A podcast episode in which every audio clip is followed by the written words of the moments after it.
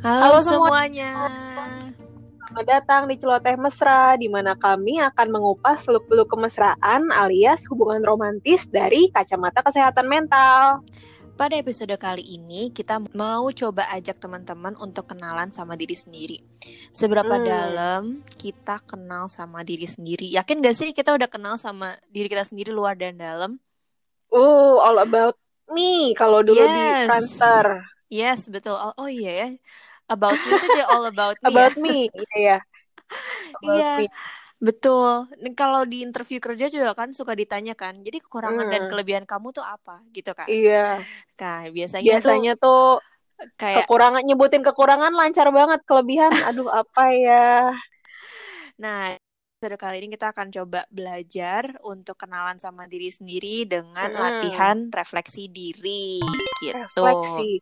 Who is the girl I see? Standing refleksi. straight. Nah ya, udah udah udah udah. Okay. Baru mau gue lanjutin lagi. Oke. Okay. Saiful Jamil emang nih. gak bisa kalau nggak nyanyi. Lanjut lanjut. Gimana nih lo udah kenal belum sama diri lo sendiri? Gue uh. personally kayaknya hari ini kenal, tapi besok tuh kadang suka oh ada yang berubah lagi ya. Oh amnesia gitu. ya kamu ya. oh. ya. Kayak fifty first date. Abis tidur besoknya lupa. Ngulang lagi terus ya. Reset. Reset. Enggak sih kayak nggak langsung besok banget sih kayak misalnya uh, seminggu ini aja kan gue ngelakuin banyak hal gitu terus ada banyak yang terjadi mm. kehidupan gue. Nah minggu depan tuh kayak gue belajar lagi ke diri gue sendiri uh, kayak mm. uh, apa namanya ada aja gitu yang menurut gue oh berubah walaupun kecil-kecil dikit. Misalnya gimana mm. cara gue nangin or nanganin orang gimana caranya gue mengontrol emosi gue kayak gitu-gitu sih. Mm. kalau lu gimana ayo?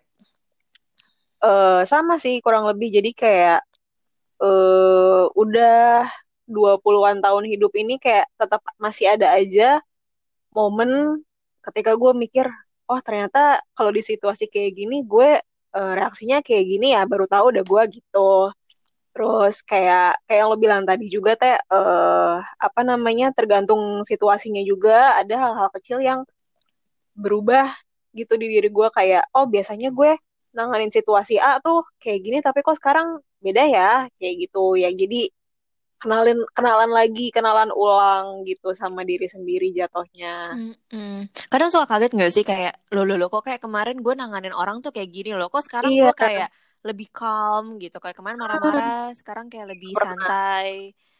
Atau kebalikannya malah dulu kok gue baik-baik aja ya nanganin ini tapi kok sekarang gue kayak toto iya.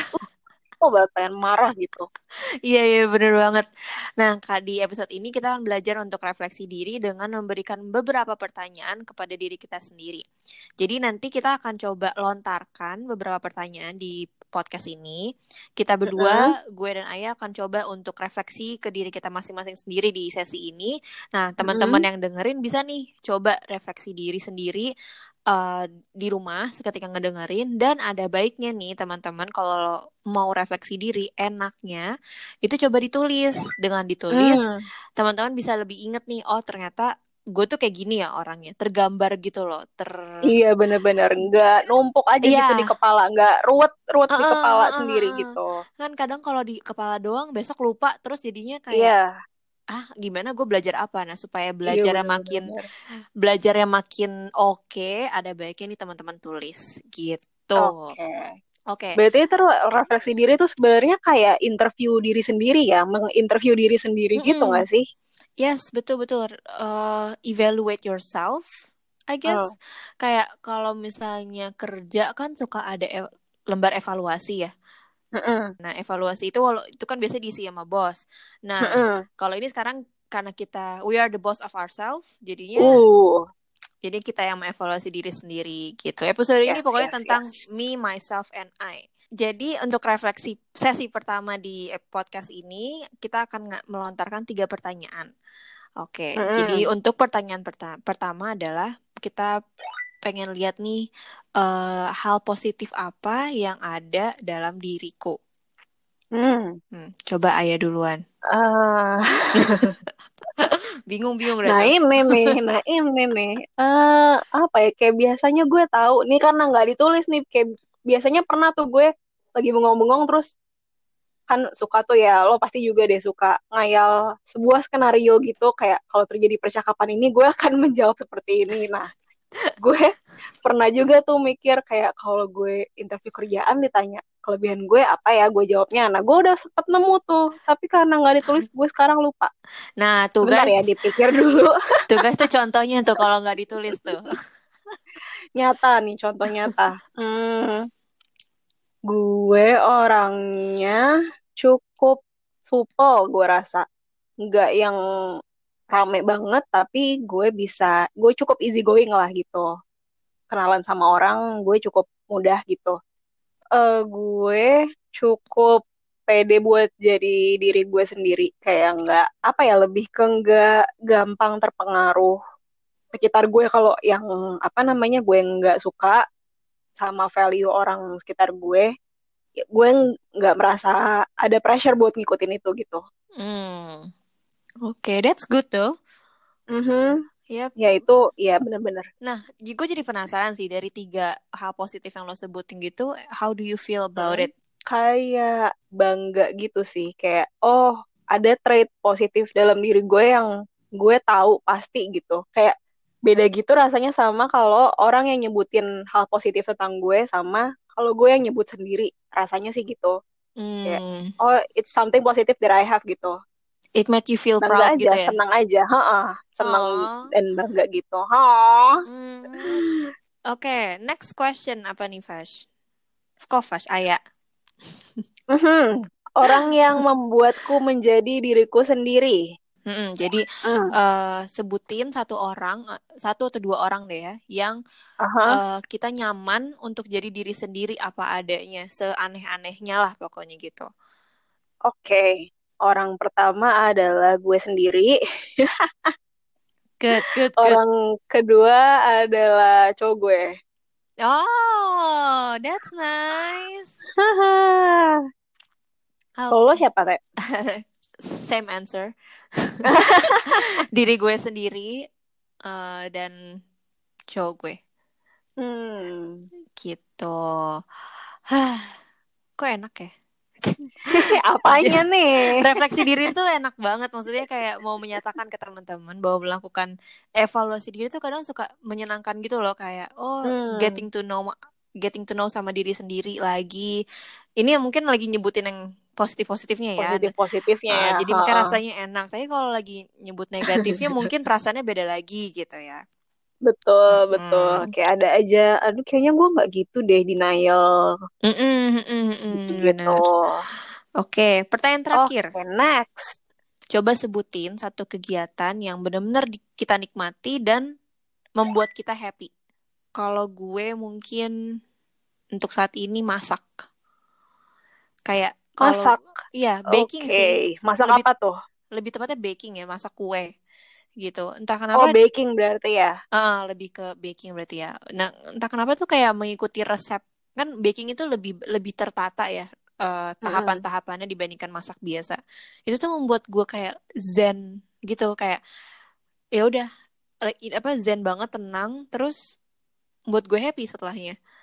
Hmm, gitu. Jadi lo berarti suka hal-hal yang in order gitu berarti ya, yang urut, yang takarannya pasti gitu, nggak yang raba-raba. Iya, gue suka yang pasti-pasti aja. Iya.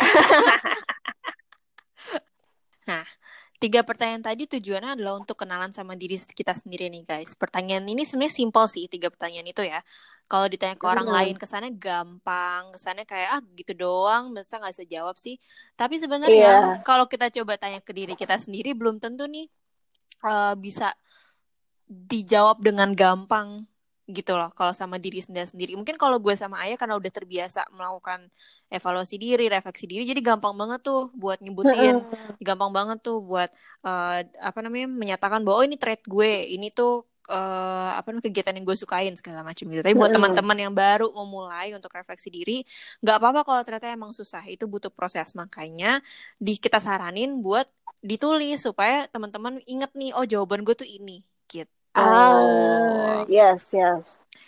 Nah, uh, tadi udah gue bilang juga kan ya kalau wajar kalau ada yang susah untuk menjawab tiga pertanyaan tadi dan wajar kalau kita sendiri belum kenal sama siapa sih kita ini gitu.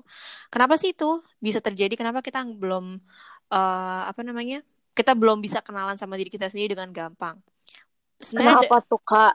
Ada beberapa alasan sih sebenarnya nih ya. Gue coba jelasin. Oke. Okay. Jadi alasan pertama, um, seperti yang udah kita mention dari episode sebelumnya, hidup itu kan penuh dengan perubahan nih hampir setiap hari terjadi perubahan. Ada yang kita sadari, ada juga yang tidak.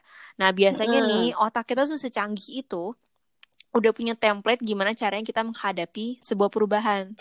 Gitu. Hmm. Jadi kayak kesannya tuh semua serba otomatis, serba autopilot gitu. Coba teman-teman renungin kalau ada uh -uh. apa namanya kalau misalnya tiba-tiba ada yang berubah perubahan sedikit aja misalnya kasurnya diubah tukeran sama meja belajar misalnya gitu itu kan ada perubahan mm -hmm. nih nah otak kita yeah. tuh udah ada autopilot sendiri jadi ngerasa kayak oh ya udah itu biasa aja tapi sebenarnya karena berubah tempat tidur sama tem meja belajar jadi teman-teman jadi tidurnya lebih lama karena belum nyaman dengan posisi tidurnya karena ada yang berubah ah. gitu. Tapi teman-teman nggak nyadar tuh mikirnya kayak oh gue lagi gue lagi apa namanya begadang aja ini tuh sebenarnya gitu. Jadi otak kita tuh segitu. Ya, sebenarnya dianggap sepele gitu ya kayak itu sesuatu yang apa ya udah lewat aja gitu. Apa hmm. sih kayak kenapa sih nggak perlu dipikirin gitu kan. Tapi ternyata berpengaruh. Betul. Nah karena udah keseringan autopilot kita jadi kehilangan nih jejak seberapa jauh kita udah berkembang. Terus alasan ketiga nih ternyata pengaruh lingkungan dan media sosial juga bikin kita jadi sulit buat kenalan sama diri kita sendiri hmm. jadi ada kecenderungan di lingkungan kita dan di media sosial kita jadi kita tuh jadi pengen menampilkan yang kita pengen aja gitu sama ke lingkungan uh, eksternal ke teman-teman gitu kayak kasarnya tuh kayak lo cuma nampilin yang bagus-bagusnya doang lah hmm. di media sosial hmm, tuh hmm, hmm, hmm. pokoknya yang happy happynya aja ya gitu ya ha kayak lo post apa misalnya relationship goals gitu tapi kan orang-orang nggak tahu di balik itu lo ada juga berantem berantemnya kayak hmm, gitu benar-benar terus Alasan keempat adalah faktor waktu. Kita saking sibuknya sama dunia, mengejar cita-cita, mencoba jadi yang terbaik, kadang lupa buat take a break dan refleksi diri untuk kenalan sama diri sendiri. Wah, emang duniawi banget ya nih. hmm, jadi kayak suka ada ya orang-orang kayak misalnya kerja nih, sebenarnya kerjaannya oke okay gitu, tapi dia nggak merasa eh, setahun ini tuh gue kayak nggak ngapa-ngapain perasaan gue kayak kerja ya udah kerja tapi gue kayak nggak merasa belajar apa-apa nggak mm -mm, mm dapat apa-apa gitu. Oh, karena fokus sama ngejar uh -uh. kerjaannya aja gitu gak sih? Iya iya benar banget. Jadi nggak mindful ya? Ha, mindful betul. Betul. Nah, siapa nih yang suka merasa bersalah kalau nyantai sebentar dari istirahat dari kerjaan? Coba ancung tangannya. Aku. Aku. kayak aduh nggak enak gitu rasanya kayak kayaknya gue harusnya melakukan sesuatu deh kok gue tidur tiduran ya makanya muncul podcast ini kan ini hasil dari ngapain ya gue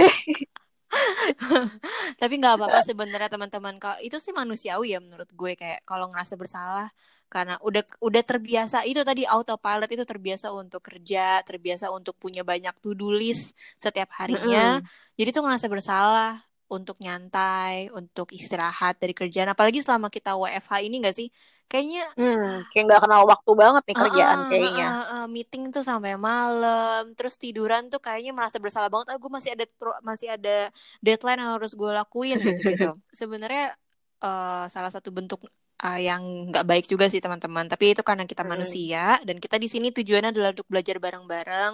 Jadi manusia yang lebih baik nggak apa itu dijadiin pelajaran terus ya mulai refleksi diri lagi, evaluasi diri gitu. Yes.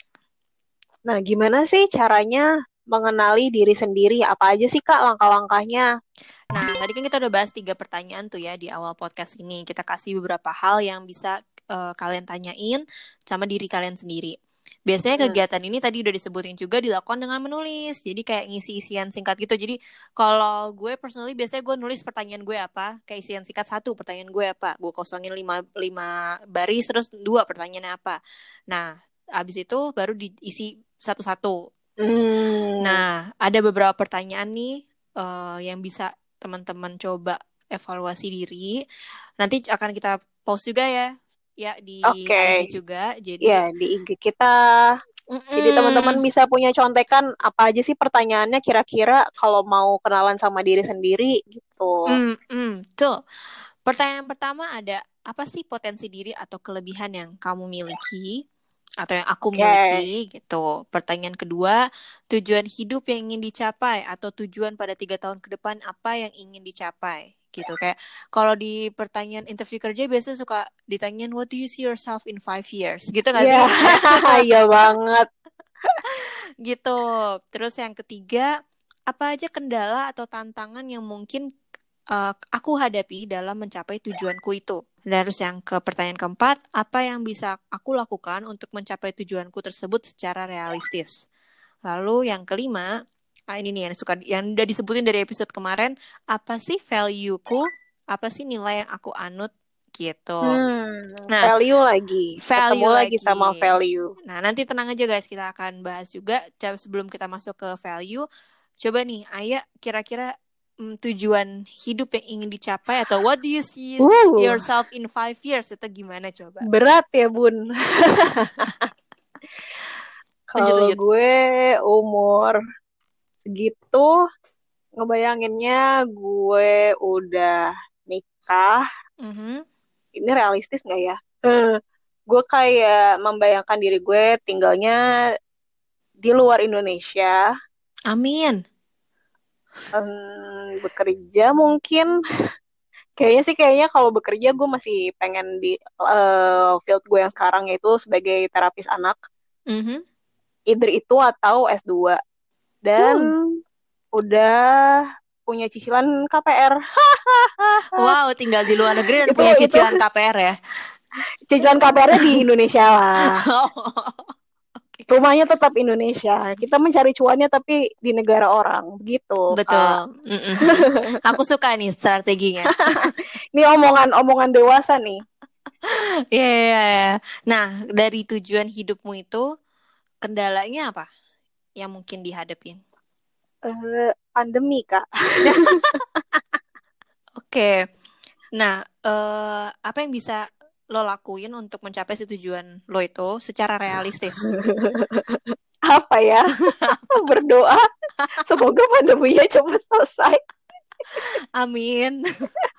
gitu ya. Hmm. Dari gue sih paling gue mau vaksin, terus kayak mm. masih menjaga protokol kesehatan yang ketat kayak gitu sih. Mm -mm.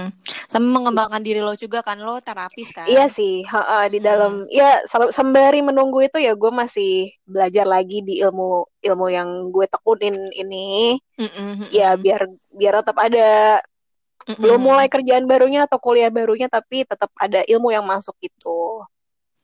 Amin. Terima kasih loh. Oke. Okay. Okay. Tadi udah disebut value ya. Apalagi mm. tuh value ya sebenarnya Kak. Jadi, value kalau bahasa Jawanya tuh nilai adalah apa yang kita anggap bermakna dalam hidup. Mm. Nah, pokoknya hal-hal yang kita anggap penting, yang kita peduliin. Setiap mm-hmm. orang tuh value-nya beda-beda dan dapat berubah seiring berjalannya waktu. Mm, Oke. Okay. Nah, terus value itu tujuan hidup nggak bukan sih kak kayak yang tadi disebut buat refleksi diri Hmm, enggak sih, nggak bisa disebut seperti itu. Sebenarnya value dan tujuan hidup tuh beda. Jadi mm. kalau tujuan hidup itu kan ada sesuatu yang pengen dicapai. Nah, kalau value itu sebenarnya kayak arah kompas, kiblat yang ingin kita tuju, kayak patokannya gitu. Pusing nggak? Mm -mm. Pusing, kayak abstrak. Coba kita kasih contoh ya. Nah, jadi sebenarnya yang hmm? kita tahu duluan tuh value-nya apa tujuan hidupnya? Uh, itu tuh kayak uh, kayak telur dan ayam gitu loh. Jadi oh, bisa enggak ini ya never ending gitu kayak bisa ah, mana aja gitu. Uh, uh, uh, exactly. Kayak misalnya gitu. value-nya udah tahu, baru tuh dicari tahu tujuan hidupnya apa. Gitu yep. juga sebaliknya kalau tujuan hidupnya udah tahu, baru digali-gali value-nya apa. Betul. Oke, okay, oke, okay, oke. Okay. Nah, kalau Ayah gimana nih? Gue mungkin kayaknya gue lebih duluan tahu tujuan hidup deh hmm Kayaknya tujuan hidup gue tuh stability gitu. Kayak gue pengen uh, hidup yang stabil. Eh ini dari tujuan segi hidup atau value? Tujuan, kayaknya tujuan. Kayaknya gue meng- pengen hidup gue stabil berarti kan tuh tujuan ya gue mengarah apa gue mau ke sana gitu mm-hmm. stability dalam uh, financial dalam emosi mungkin dalam maksudnya kayak apa ya dalam gue meregulasi emosi gitu kayak gue lebih jago gitu mm-hmm. dan dalam keluarga gue juga nanti ketika gue udah berkeluarga kayak pengen ya keluarga yang stabil gitu nggak yang penuh turmoil kayak nggak banyak apa sih ya begitulah tidak ribut-ribut begitu. Hmm, hmm, hmm, hmm. Nah kalau gue nanggepnya itu value lo, Fas. Stability oh, gitu. itu value lo. Tujuan hidup lo adalah lo mencari pekerjaan, misalnya kan tadi lo nyari kerjaan di luar negeri yang bisa cuannya banyak, makanya supaya bisa uh. mendapatkan stability financially. Oh, gitu. oh, wow, aku jadi seperti konseling. Kayak gitu ya guys, caranya untuk bisa membedakan antara tujuan hidup dan value dan nggak apa-apa itu emang susah sih kitanya trial and error sih jadi kalau ternyata teman-teman salah nyebut oh ini ternyata harusnya tujuan hidup tapi gue nyebutnya tuh value atau kebalikannya it's fine nggak apa-apa kan namanya juga evaluasi diri ya kan dilakukan berkali-kali gitu Iya, kalau lo bingung ngerjainnya sendiri lo ke psikolog aja. Betul. Ntar dibantuin. Betul. Atau mungkin kalau belum belum mau ngebahas itu tapi pengen diskusi sama kita ya DM aja ke IG kita. Gitu. At celoteh mesra.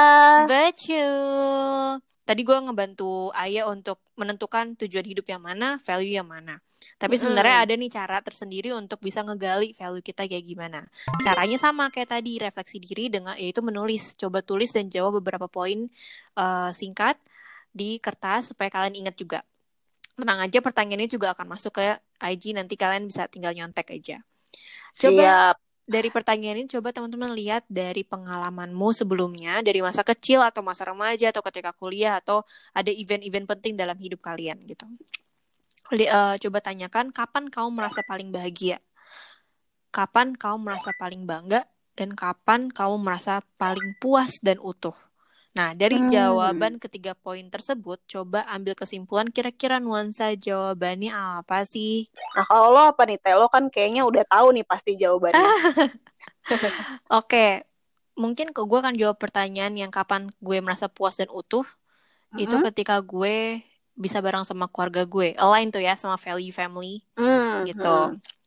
maksudnya kayak quality time sama keluarga gue terus dengerin cerita dan ya perme ceritanya mereka terus ya nggak even nggak ngapa-ngapain cuma nonton bareng uh, ya udah diem-dieman aja. Itu menurut gue udah puas dan utuh gitu. Susah ya sebenarnya ya ngegali value susah. Nggak apa-apa wajar kalau uh, ngerasa kesusahan untuk ngejawab pertanyaan-pertanyaan tadi. Jadi santai aja take your time. Uh, ini kan semacam alat bantu sebenarnya untuk uh, membantu kita kenal sama diri sendiri untuk ya kita jadi manusia yang lebih baik. Jadi nggak usah buru-buru proses itu semuanya untuk kenalan sama kita diri kita sendiri. Kenalan sama orangnya proses nggak sih? PDKT aja proses. Iya, ya lo kan? kalau di Tinder juga kan kenalan dulu ya sama orang. Bener. Gak tiba-tiba eh, ngajak kamar gitu, gitu kan. Hmm, betul. Ingat ya teman-teman, value untuk setiap orang tuh beda-beda. Bahkan satu orang mm. itu yang tadi udah disebutin juga, value itu bisa lebih dari dua atau lebih dari satu atau lebih dari tiga pokoknya ada bisa bisa banyak bentuk-bentuk okay. value itu beragam ada nih orang yang value-nya kayak career family health honesty, love, dan masih banyak lagi juga bentuk-bentuknya. Nanti dikit di Instagram kita, @celoteh mesra, kita akan kasih nih list yang sekiranya cukup mencakup untuk bantu teman-teman merefleksikan diri. Gitu. Oke, tapi kenapa sih emangnya kok kita harus capek-capek kenalan sama diri sendiri kayak tadi tuh mikir capek banget kak. Kenapa sih? Emang pentingnya kan udah tahu nih hobi aku apa. Aku hobi gambar gitu. Terus aku sukanya apa? Cukup kan?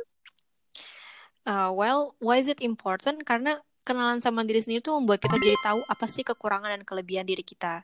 Apa sih hmm. uh, tujuan hidup kita, apa sih value kita.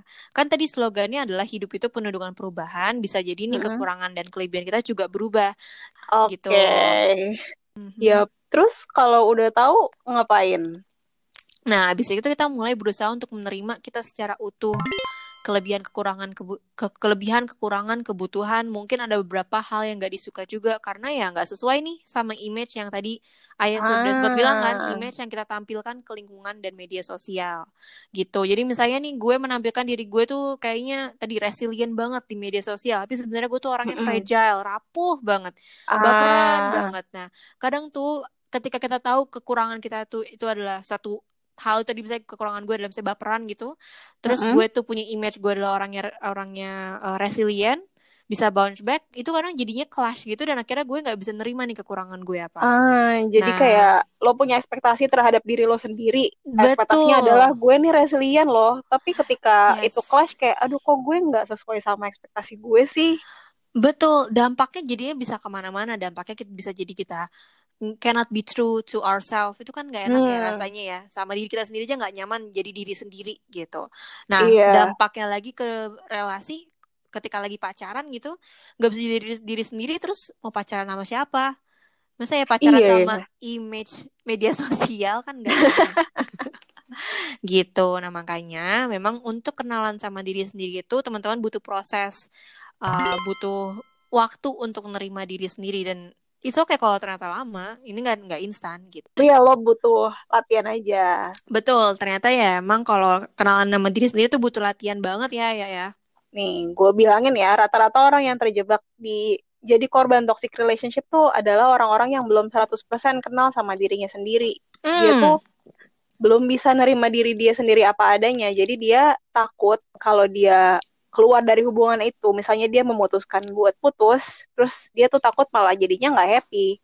Padahal nah. di hubungan toxic relationship itu juga dia nggak happy. Misalnya diselingkuhin lah atau di kata-katain dipukul ya. Tapi dia takut keluar kalau keluar dari hubungan itu tuh malah jadinya lebih nggak hmm. happy lagi gitu. Dia merasa kebutuhan dia buat dicintai dan diakui kayak yang pernah kita omongin di episode uh, pertama mm-hmm. itu nggak terpenuhi kalau dia ninggalin pasangannya karena buat memenuhi kebutuhan itu dia ngandelin si pasangannya yang toksik itu. Hmm, ya ya ya.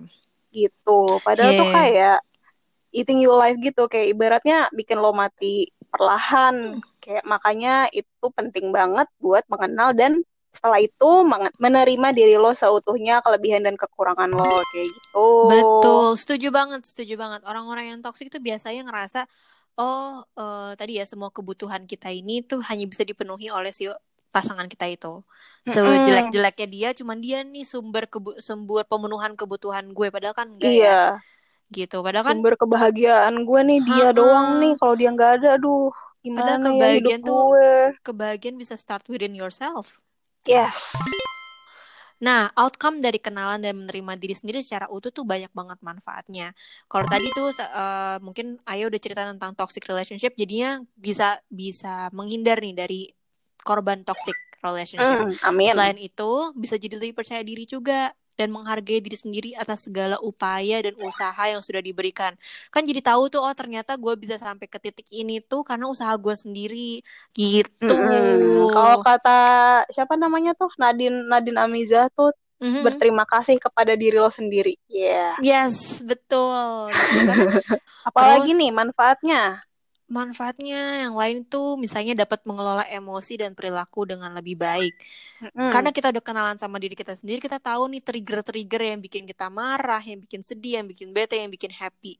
Atau misalnya kalau gue ketemu orang ini nih, orang yang kayak gini, itu gue akan bete banget. Nah, tahu kan ya trigger-triggernya kayak gimana? Jadi bisa bisa prepare tuh sebelum ketemu sama si orang itu. Iya, benar-benar kayak mempersiapkan diri lo, mental lo sendiri gitu sebelum ketemu sama nih orang. Mm -mm, Terus apa lagi ya ya? Uh, abis itu manfaatnya adalah dapat membuat perencanaan yang lebih baik. Misalnya kalau gue pacaran sama cowok yang pemarah, sedangkan gue ini orangnya sensitif, bisa survive nggak ya gue? Atau mm gue saat ini lagi nggak mood banget nih capek gitu kan. Tapi temen gue ngajak ketemuan. Gue terima gak ya ajakannya? Nah gitu. Jadi tahu boundaries ya? Tahu boundaries benar-benar benar merencanakan hmm. yang jangka panjangnya buat gue apa nih? Ininya apa sih namanya tuh pengaruhnya? Kayak apakah akan malah bikin gue tambah capek atau tambah stres? Bla bla bla. Kayak gitu kalau kita relate ke tadi ke relasi romantis kalau lagi PDKT tuh udah mulai tuh screening screening oh nih orang ternyata nggak sesuai dengan gue nggak sesuai dengan kriteria ah. gue kayaknya nggak bisa gue lanjutin deh gitu. Ah ya terus apa lagi ya kira-kira outcome-nya? Uh, outcome-nya ada lebih termotivasi dan kritis dalam membuat keputusan. Nah, ini berhubungan sama nomor poin 2 sama 3 tadi yang dapat mengelola emosi dan dapat membuat perencanaan yang lebih baik. Hmm, Gimana nih maksudnya, Kak? Nah, kan kan oh, udah ngelola emosi dengan baik, kita udah tahu nih emosi kita kayak gimana, perilaku yang kita kan gimana kalau kena trigger sesuatu. Kan kita bisa buat perencanaan tadi ya udah kayak prepare dulu. Oke, okay, kalau gue mau ketemu orang ini gue harus ngapain ngapain ngapain. Nah, mm -hmm. jadinya bisa lebih kritis dalam membuat keputusan gitu. Misalnya ah. kayak contohnya tadi mau ketemu sama temen lagi nggak mood banget. Nah, akhirnya bisa kritis membuat keputusan, oh gue kayak nggak perlu nggak bisa deh ketemu sama teman gue untuk saat ini karena gue mm -hmm. lagi nggak mood gitu jadi kayak ya lebih baik gitu untuk ngambil keputusan yang enggak bikin lo draining secara emotionally. Yeah. Nah, jadi sebenarnya inti dari episode ini tuh apa sih kayak panjang banget nih. Intinya adalah ini pasti lo semua udah sering denger sih. Kayak influencer-influencer juga udah banyak ngomong yaitu self love, mencintai uh. diri sendiri. Yes. Jadi katanya love yourself before you love somebody else. Tuh beneran deh. Kayak lo tuh kayak kayak balik lagi kayak quote yang kemarin uh, apa namanya? Love is a skill. Uh, bukan, oh, satu bukan. lagi. Oh, apa ya? tak kenal maka kata sayang. Oh iya, tak kenal kata sayang. Itu lupa. mulu gue lupa mulu. iya, kalau nggak kenal sama diri lo sendiri, gimana lo mau nyayangin diri lo sendiri gitu? Hmm, hmm, hmm, hmm. beneran ya itu lo bisa self love gitu. Kalau lo aja nggak kenal sama diri lo sendiri. Betul. Pokoknya nih kata baru Pikaur di bukunya ini katanya how you love yourself is how you teach others to love you. Ini okay. bener banget, setuju banget. Karena kalau kita udah cinta sama diri kita sendiri, orang lain juga akan mencintai lo sesuai dengan bagaimana lo mencintai diri lo sendiri. Gitu. Yes. Begitu guys. Sekian dulu buat episode kali ini. Kalau masih ada yang bingung, mau nanya atau mau sharing cerita, bisa banget DM kita di IG kami at celoteh mesra. Sampai ketemu lagi. Bye-bye. Bye.